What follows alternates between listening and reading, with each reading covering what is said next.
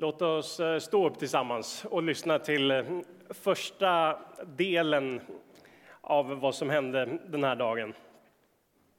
Från Matteus evangeliet kapitel 27 läser jag. På morgonen beslöt alla översteprästerna och folkets äldste att försöka få Jesus avrättad. De lät binda honom och förde bort honom och överlämnade honom åt Pilatus, ståthållaren. När Judas, som hade förrått honom, såg att Jesus blivit dömd ångrade han sig. Han lämnade tillbaka de 30 silvermynten till översteprästen och de äldste och sa Jag har syndat och förrått oskyldigt blod. De svarade Vad angår det oss? Det är din sak. Då kastade han in pengarna i tempelhuset och gav sig därifrån och gick bort och hängde sig. Översteprästerna tog pengarna och sa det går inte att lägga dem i offerkistan eftersom det är blodspengar. Och de beslöt att istället köpa krukmakaråken till begravningsplats för främlingar. Därför heter denna åker ännu idag Blodsåken. Och så uppfylldes det som sagts genom profeten Jeremia.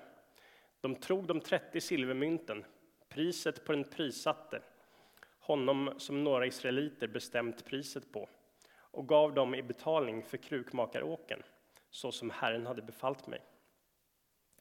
Jesus ställdes nu inför ståthållaren. Denne frågade honom, du är alltså judarnas kung? Jesus svarade, du själv säger det.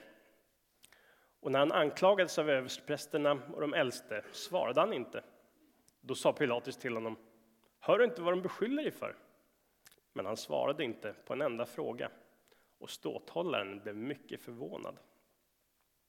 Vid högtiden brukade ståthållaren frige en fånge efter folkets önskan. Det fanns just då en känd fånge som hette Jesus Barabbas. När folket nu var samlat frågade Pilatus Vem vill ni att jag ska frige? Jesus Barabbas eller en Jesus som kallas Messias? Han visste att det var av avund mot Jesus som man hade utlämnat honom. Medan han satt på domartribunen fick han detta bud från sin hustru. Du ska inte ha med den där rättfärdige mannen att göra. Jag har haft mardrömmar i natt för hans skull. Men översteprästerna och de äldste övertalade folket att begära Barabbas fri och få Jesus dödad.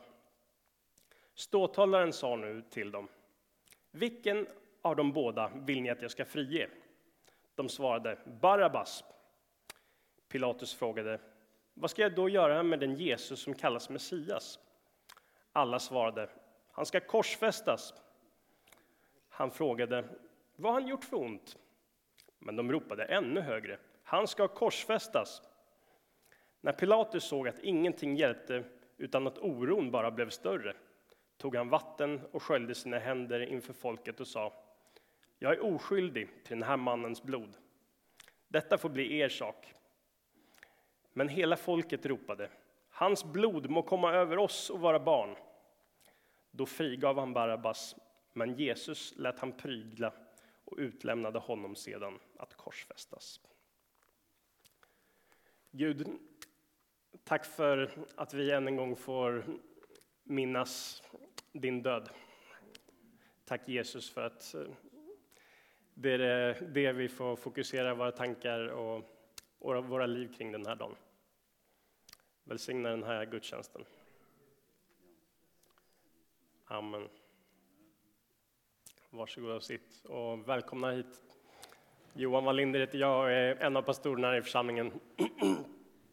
Och idag kommer vi ehm, ha en samling tillsammans där ehm, vi framförallt kommer få lyssna till musik. Nu ska vi alldeles strax sjunga en gemensam sång, men i övrigt så blir det instrumental musik som vi får njuta av och eh, låta den få tala till oss. Så, och sen kommer jag predika lite senare också. Så det är vad du har att se fram emot den här stunden. Varmt välkommen hit. Nu ska vi sjunga tillsammans.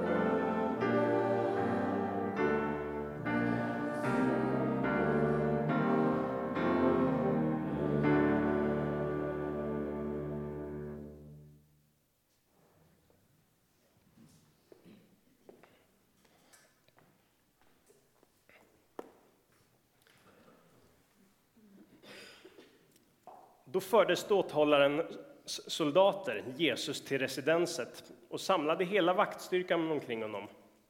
De tog av honom kläderna och hängde på honom en röd soldatkappa och vred ihop en krans av törne och satte den på hans huvud och stack en käpp i högra handen på honom.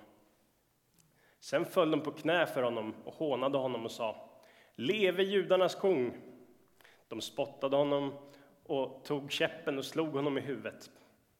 Och när de hade hånat honom tog de av honom kappan och satte på honom hans egna kläder och förde bort honom för att korsfästa honom. På vägen ut träffade de en man från Kyrene vid namn Simon. Och honom tvingade de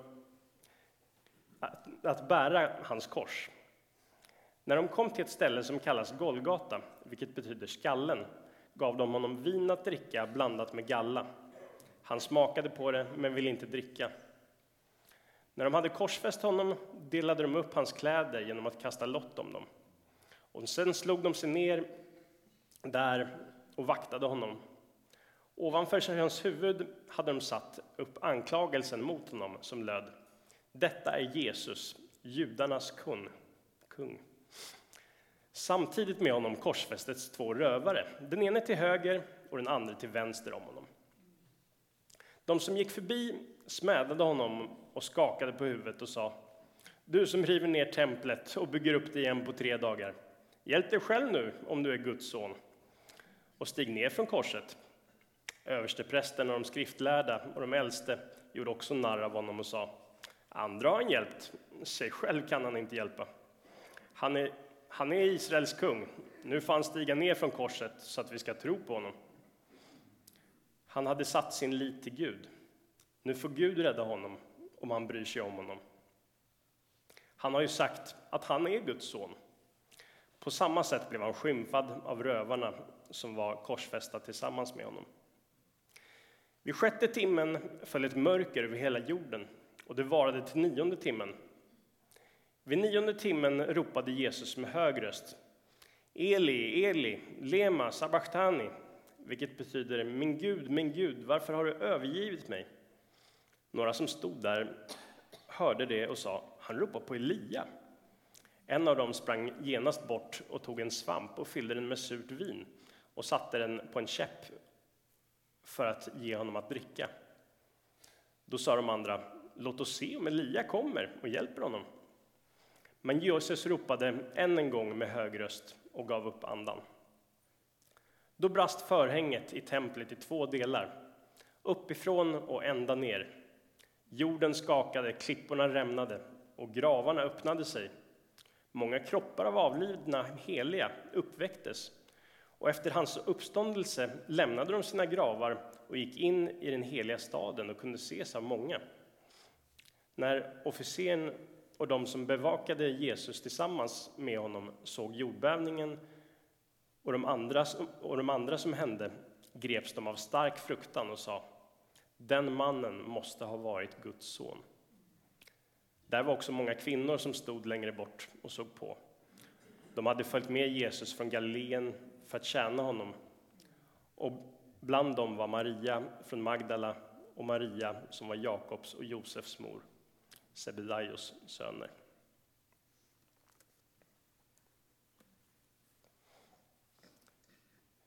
Nu kan du få möjlighet att ge en gåva till vår församlingsarbete. Swishnummer kommer upp här alldeles strax. Och vill du bidra till församlingens verksamhet så kan du få göra det under tiden vi lyssnar till en sång.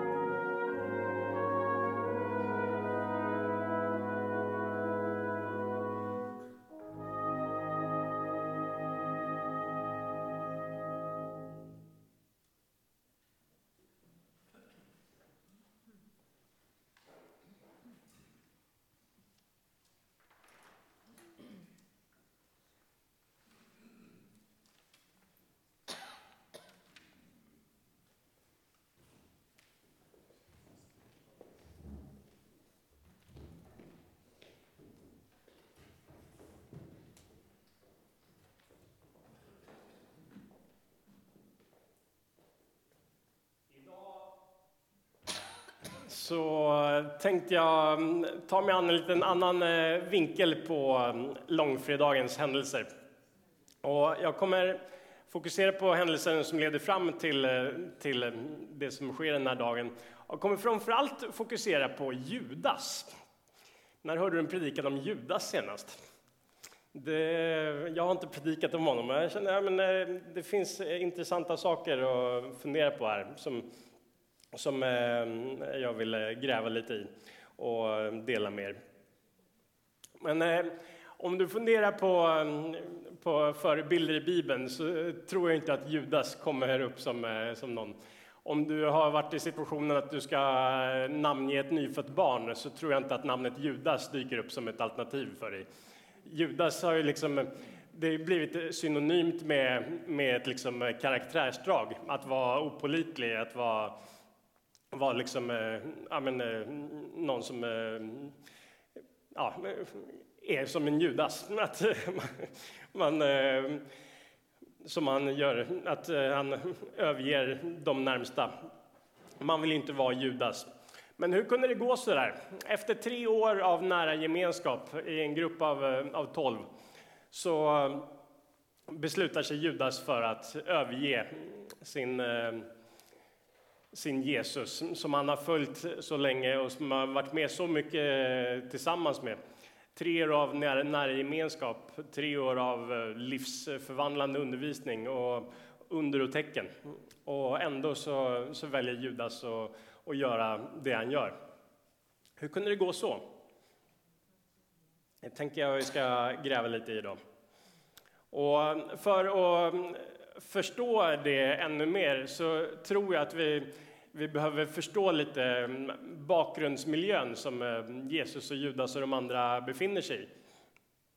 För så här eh, var det ju att eh, på 100-talet före Kristus så hade romarriket vuxit sig starkare och större och större och tagit större och större landdelar av mm, Medelhavsregionen. Och år 63 f.Kr. så intar ju romarna Jerusalem. Och eh, de eh, ja, då intar Juda men, men Jerusalem. Och mm, romerska generalen Pompejus rider in i, i Jerusalem och han, inte nog med det, han har fräckheten att liksom kliva in i det allra heligaste i templet. Ni vet där översteprästen fick vara bara en gång om året. Pompejus han kliver in där liksom för att bara markera att det, det är jag som är, är, kung på riktigt där. Och sedan, eh, sedan där, 63 f.Kr. så är ju då judarna under ockupation av, av eh, romarna. Och eh, ni vet eh, hur, hur ockupationsmakter gör. Man, man placerar ut fredsbevarande trupper, vilket de gjorde. Det var soldater som, som skulle behålla ordningen där. Och de utsåg eh, tullindrivare som skulle dra in skatter till, eh, till eh, imperieadministrationen och som kunde försörja legionerna runt om i, i riket och så att de skulle kunna behålla freden runt om. Och hur reagerar då judarna på det där? Ja, men eh, olika. Hur reagerar ukrainarna på ockupationen av Ryssland? Ja, men till viss del olika. En del ehm, då vid, vid den tiden tänkte jag att ja, men det, det, är lika bra att samarbeta med ockupationen. De är för starka, det är ingen idé att liksom, eh, kämpa emot utan vi, vi får göra det bästa av situationen här och vara så smidiga som möjligt. Så resonerade en del. Andra resonerade att aldrig någonsin att vi kommer erkänna den där ockupationsmakten aldrig någonsin att vi kan, eh, komma att erkänna dem som eh, legitima härskare i, i vårt land. Och de där inställningarna kan vi se i Ukraina idag också, även om eh, motståndsrörelsen kanske är den, den tydligaste. Men så där har det varit alla tider, när, när länder blir ockuperade. Hur ska man agera? Och olika mm, personer väljer olika strategier. Och eh, så var det ju bland judarna. kanske har du talat om fariseerna och saduceerna, det var ju partier inom judarna. De valde en ganska romvänlig inställning. De tänkte att ah, det är bättre att samarbeta, mm, så de, de försökte bli vänner med, med Pilatus och ståthållarna i gänget. För att, att de tyckte att det var den bästa vägen. Sen fanns det andra grupperingar inom, inom judendomen. Det fanns esséer och så fanns det seloter. Och seloterna, det var den grupp som tydligast sådär inte ville samarbeta med romarna. De eh, liksom drev linjen att romarna ska ut ur vårt land och vi kommer aldrig någonsin erkänna dem som, som eh, några legitima makthavare här. Och eh, seloterna, de, dels så, jag menar, de, det var en inställning de hade, men eh, det fanns också en liksom mer militant gren inom seloterna som, som tyckte att eh, väpnat motstånd är absolut eh, rimligt i det här läget. Och vilket de gjorde på olika sätt. Selot betyder egentligen att vara nitisk, vara sådär hängiven i sin tro. Så, så det, det var inte bara en sådär mm, politisk eh, krigisk eh, grupp, utan eh, det var också en, en religiös sådär, grupp som eh, ville ta tron på, på största allvar. Men de här sloterna fanns. Och det är lite så intressant, en av Jesu tolv lärjungar kallas ju Simon Seloten. Vi vet inte så mycket om honom. Men eh, på något, det, man tror kanske inte att han tillhörde den här militanta falangen av seloterna utan att, eh, att han var selot eh, snarare talar om att han hade en så här, iver, han var nitisk i sin eh, trosutövning. Så, men han kallas ändå selot. Och och att det här, den här liksom, tankegångarna var ändå rätt starka vid den här tiden. Att eh, väpnat motstånd mot, eh, mot Rom var, det var rimligt och det var någonting eh, Gud ville. Det, det fanns absolut och det fanns nära runt omkring Jesus. Så när vi kommer till Judas då, så, så är det inte helt otroligt att även han fanns inom den där fåran av, av eh, judar som, eh, som inte eh, valde att samarbeta med, med romarna utan eh, snarare eh, drogs åt eh, seloternas förhållningssätt. Namnet Judas var ett väldigt vanligt namn vid den här tiden. Och det fanns det anledningar till. För 160 år före Kristus så hade det funnits en väldigt eh, känd Judas som hette Judas Maccabaios som eh, blev en eh, nationalhjälte och befrielsekämpe för judarna. För Judas Maccabaios han hade befriat eh, Jerusalem från ett annat sånt här ockupationsmakt som fanns vid den tiden. Så Judas var ett namn som signalerade befrielse. Och det kan man ju tänka att många föräldrar tänkte på när, när man gav sitt eh, barn namnet Judas. Då ville man signalera att ja, här, här kanske kommer en ny Judas som likt Judas Maccabaios kommer befria vårt folk från, från förtrycket. Judas Iskariot beskrivs han ju som. Och det här Iskariot finns det teologer som har debatterat. Vad, vad betyder det och vad, vad syftar det på? Och det finns flera förklaringar till det. En vanlig förklaring är att det syftar på vilket område Judas kom ifrån. Att det är liksom en eh, geografisk angivelse. Det är en eh, möjlig förklaring till det där ordet Iskariot som läggs till Judas namn. En annan möjlig förklaring är att det kommer från ordet sikari. Och det var så här långa knivar som eh, användes. Och eh, Sikari, det var också namnet på, eh, på liksom terroristgruppen inom eh, seloterna. Den, de eh, riktigt eh, liksom militanta mm, seloterna. De hade de här eh, Sikari-knivarna under sina kläder och sen så helt plötsligt utan eh, förvarning så kunde de eh, dra fram dem där och hugga ner någon romersk soldat eller tullindrivare eller någon annan som, eh, som de inte tyckte skulle finnas i landet. Och sen så gömde de knivarna och så försvann de i folkmassan igen. Så eh, Sikar, det var, det var ja, romarna skulle beskriva dem som terrorister. Själv beskrev de sig som eh, befrielsekämpar. Så det beror på perspektiv hur man såg på dem där. Men eh, att eh, Iskariot kan ha kopplingar till det, det är också lite intressant. Ja, men kan, kan Judas liksom ha befunnit sig i, i den där typen av eh, rörelser innan han började följa Jesus? Det finns de som tror det. Det är svårt att, att veta säkert. Men eh, det är lite intressant att fundera på att ja, men kanske fanns han inom, inom den här befrielseinriktade rörelsen. Hur som helst så var det liksom influenser som fanns runt omkring dem i samhället. Så um, det är i den här miljön som, eh, som Jesus eh, befinner sig. Och, och, det är inte så svårt att tänka sig att Jesus attraherar den här typen av människor som är lite mer befrielseinriktade, som, eh, som tycker att eh, Eh, fariseerna har gått alldeles för långt i samarbetet med, med romarna, utan att eh, det, vi måste ha en annan linje här.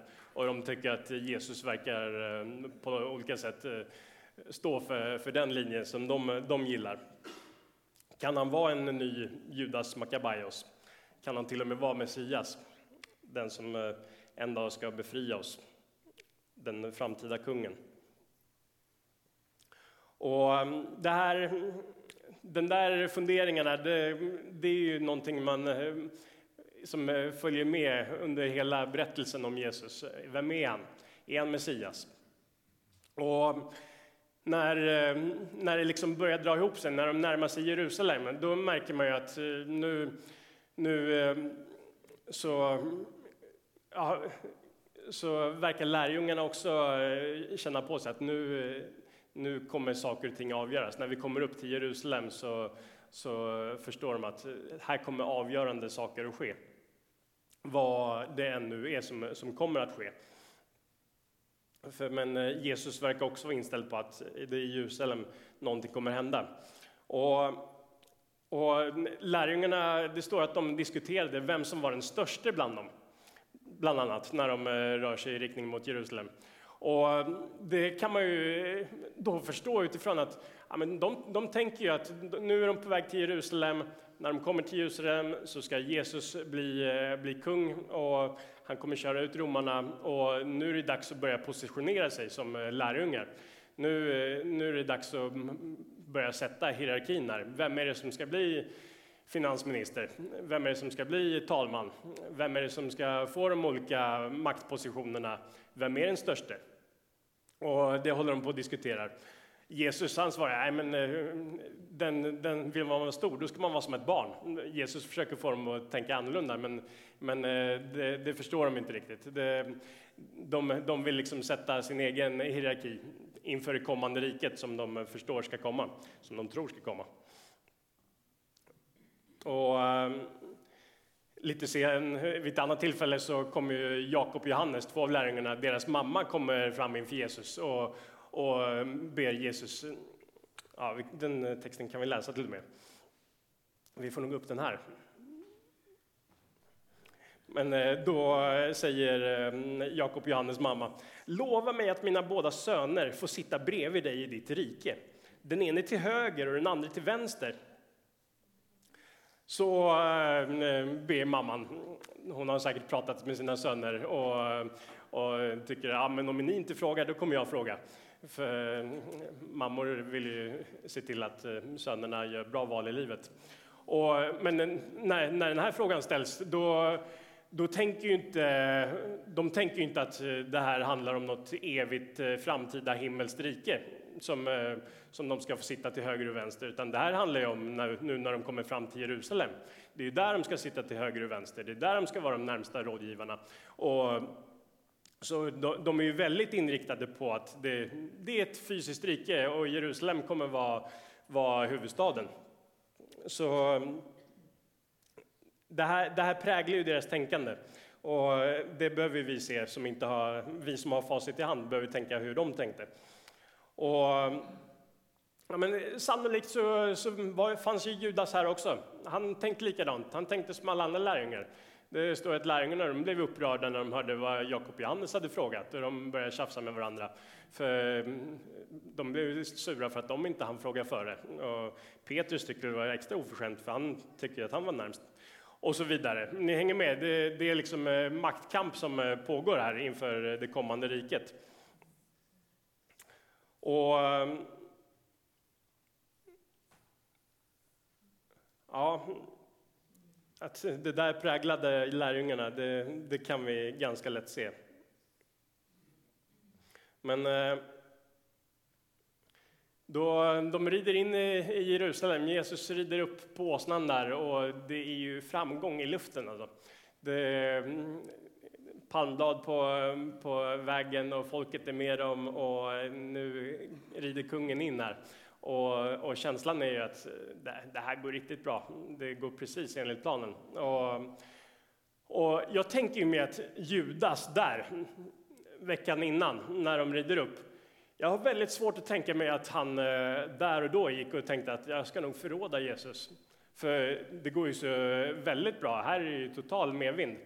Så eh, i det där läget så, så tror jag att ja, eh, det är bara full, full medvind, även från, eh, från Judas håll. Han går inte och är bitter på Jesus på något sätt. Jag tänker att det någonstans händer där dagarna efter. Så, så blir det på något sätt något skifte i, i Judas liv. Och vi ska läsa från Lukas evangeliet kapitel 22, vers 1-6. Det osyrade brödets högtid som kallas påsk var nu nära. Översteprästerna och de skriftlärda sökte efter ett sätt att röja Jesus ur vägen, men de var rädda för folket. Då for Satan in i Judas, som kallades Iskariot och var en av de tolv. Han gick bort och talade med översteprästerna och ledarna för tempelvakten om hur han kunde utlämna Jesus åt dem. De blev glada och kom överens om att ge honom pengar. Han samtyckte och sökte nu efter ett lämpligt tillfälle att utlämna honom åt dem utan att folket var med. Vad är det som händer här alltså? Hur kunde, ja, hur kunde han plötsligt bara vända så där? Jag tänker att det är utifrån den bild som, eh, som jag har försökt måla upp. Den förväntningar som, som eh, seloterna levde med och som, eh, som fanns generellt i, i samhället också. Ursäkta, jag har haft hosta i veckan så jag behöver dricka för att mm, försöka hålla hostan borta ett tag till. Ehm. Ja, men när, när Judas ser att den där rörelsen som ändå såg bra ut vid intåget, när den bara dippar, det blir ingen tron som bestigs, det blir, det blir inget, eh, inga romare som körs iväg. Utan det är liksom bara tuffa på i en eh, konstig utveckling. Då, då börjar Judas inse att men han är inte Messias. Absolut, han är snäll, han är schysst, han är bra, han, han pratar jättemycket bra undervisning och gjort eh, fantastiska grejer, men han är inte Messias. Då, då hade vi sett något annat här nu under de här dagarna. Så liksom det, det som inte händer, men som Judas tycker borde hända, det, det blir på något sätt det som får honom att, att landa i att Jesus är inte Messias, han är inte kung. Jag trodde att han var Messias. Och han verkade ju antyda det själv också, men, eh, men han är inte det. Och när Judas landar i det, då landar han också i att ja, men då, då kan jag lika gärna överge honom. Det står att Judas hade hand om ekonomin eh, för lärjungarna och, att, och ehm, han anklagas för att vara en tjuv, att han tog från, eh, från den gemensamma kassan och sådär. Ehm, det var säkert så att han hade liksom, pengar och ekonomi var en svaghet hos honom. Men jag tror inte det var pengar som fick honom att, ehm, att överlämna Jesus. Jag tänker att det var besvikelse som fick honom att överlämna Jesus, förråda Jesus.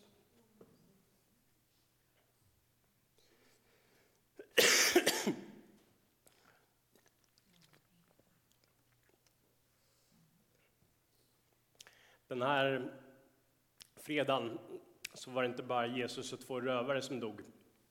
Även Judas dog. Vi läste det förut, kapitel 27 i Matteus evangeliet.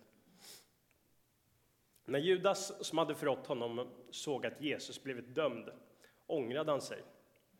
Han lämnade tillbaka de 30 silvermynten till översteprästerna och de äldste och sa, jag har syndat och förrått oskyldigt blod. De svarade, vad angår det oss, det är din sak. Då kastade han in pengarna i tempelhuset och gav sig därifrån och gick bort och hängde sig. Lite intressant där är ju vad, vad det står att Judas ångrar. Han ångrar att han har förrått oskyldigt blod. Han säger inte att han ångrar att han har, att han har förrått Messias, eller Guds son, eller Herren. Han har förrått oskyldigt blod. Han har förrått en oskyldig. Och jag tänker att det ändå avslöjar vad, vad Judas tänker där. Att eh, ja, men Jesus han, han, var en god människa, han, ja, men han var oskyldig. Men han var inte Messias. Det, det trodde han ända in i sin egen död, att eh, Jesus var inte Messias. Kanske var han färgad av eh, seloternas befri, befrielsetänkande. Och, men, eh, men hur som helst så,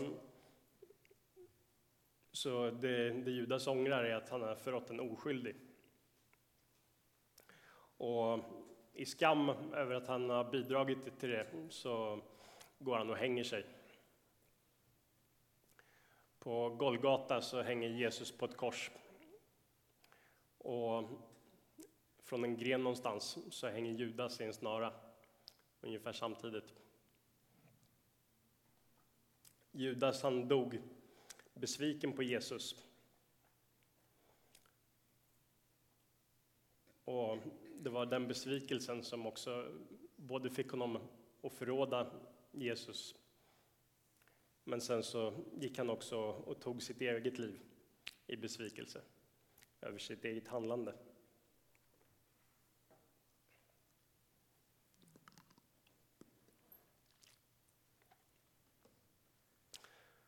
Har du varit besviken på Jesus någon gång? Är du besviken på Jesus? Ibland så motsvarar inte Jesus våra förväntningar. Judas upplevde det så. Ibland kan vi uppleva det så.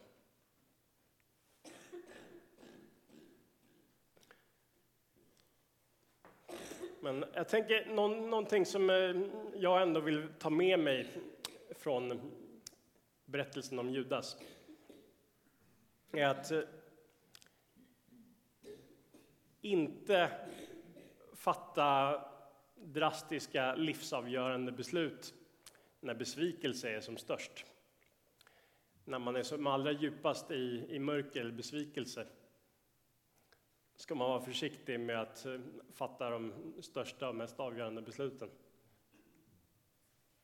Alltså Judas han hade kunnat bolla såna här frågor med Jesus där under veckan och liksom eh, försökt förstå, försökt få en förståelse för varför Jesus inte gick vidare och ja, gjorde så som eh, de tänkte.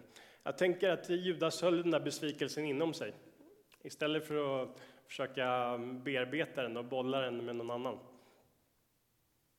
Och ofta är det ju så där när vi är besvikna. Då eh, vi vill inte ens försöka förstå mm, en, en annan sida, för det finns ingen annan sida. Jag, man kan bara se det ur mitt perspektiv.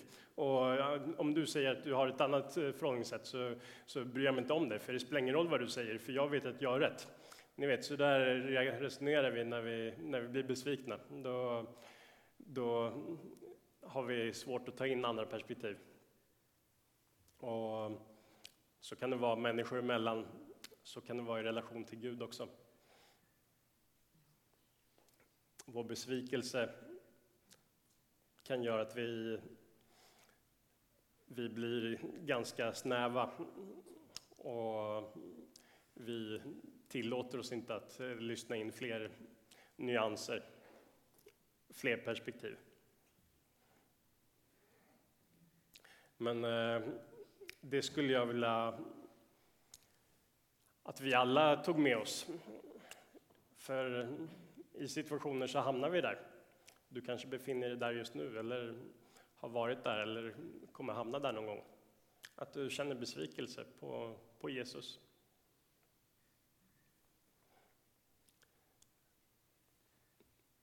Låt eh, då de där tankarna få bli till en dialog med Jesus istället.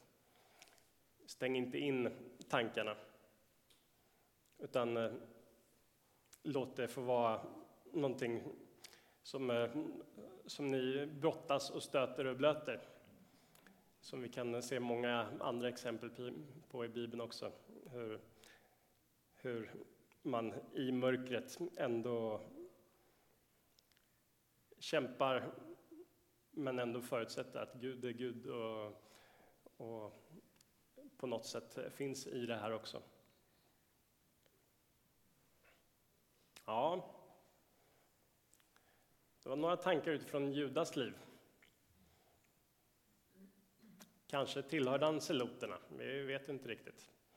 Men hur som helst så befann han sig i en tidsperiod där, där befrielse från ockupation var en, en eh, stark eh, influens i samhället. Och kanske tillhörde han den grupp som, eh, som såg väpnad kamp som, eh, som en naturlig del. Och när och han överförde de förväntningarna på Jesus.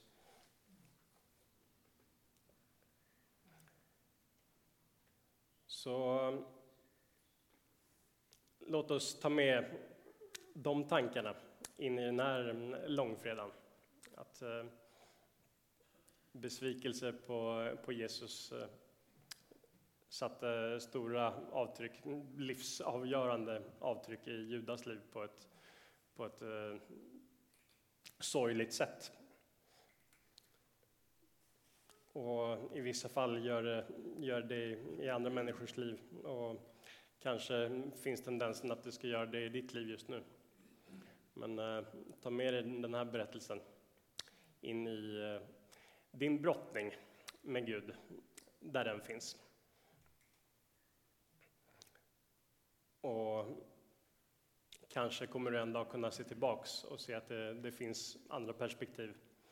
Det, det, finns en uppståndelse och det finns perspektiv som vi en dag kommer kunna se tillbaks på i en tid bortanför den där besvikelsen. Nu ber vi tillsammans. Jesus, tack för din död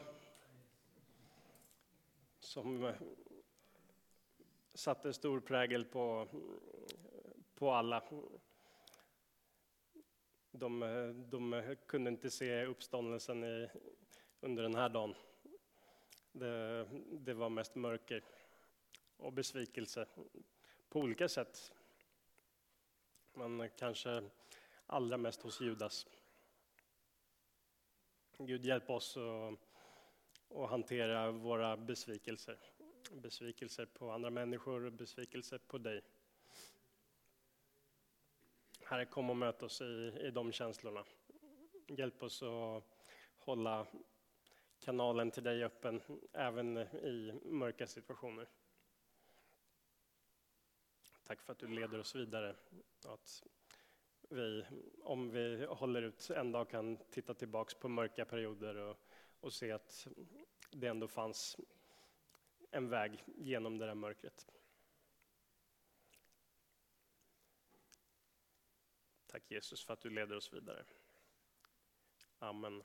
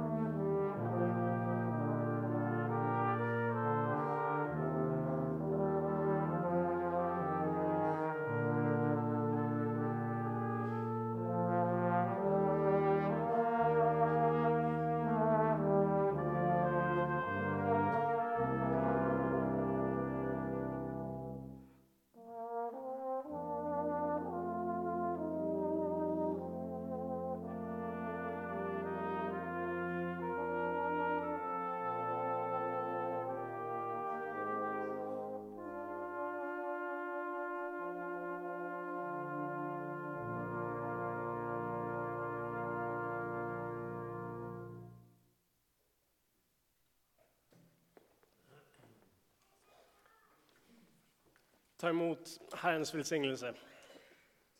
Herren välsigne oss och bevara oss. Herren låter sitt ansikte lysa över oss och vara oss nådig.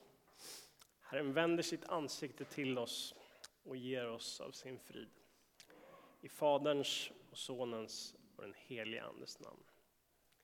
Amen. Vi ska få avslutningsvis lyssna till ett avslutande stycke och sen så är den här gudstjänsten slut. Du är varmt välkommen tillbaks på söndag igen när vi firar uppståndelsen. Tack för idag.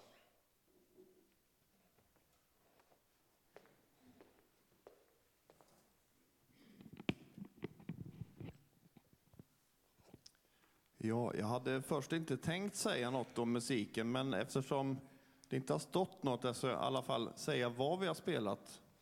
Kanske kan vara av intresse. Eh, som preludium spelade vi I will trust thee. Sedan hade vi före predikan, kanske ni kände igen, In the garden. Det senaste vi spelade här var Savior like a shepherd. Och nu som postludium ska vi avsluta med The Old Rugged Cross. Den finns ju också som församlingssång, men då på en avlägsen höjd, heter den där. Och eh, ja, det har varit fint att få vara här och fira gudstjänst med er. Och nu avslutar vi med The Old Rugged Cross.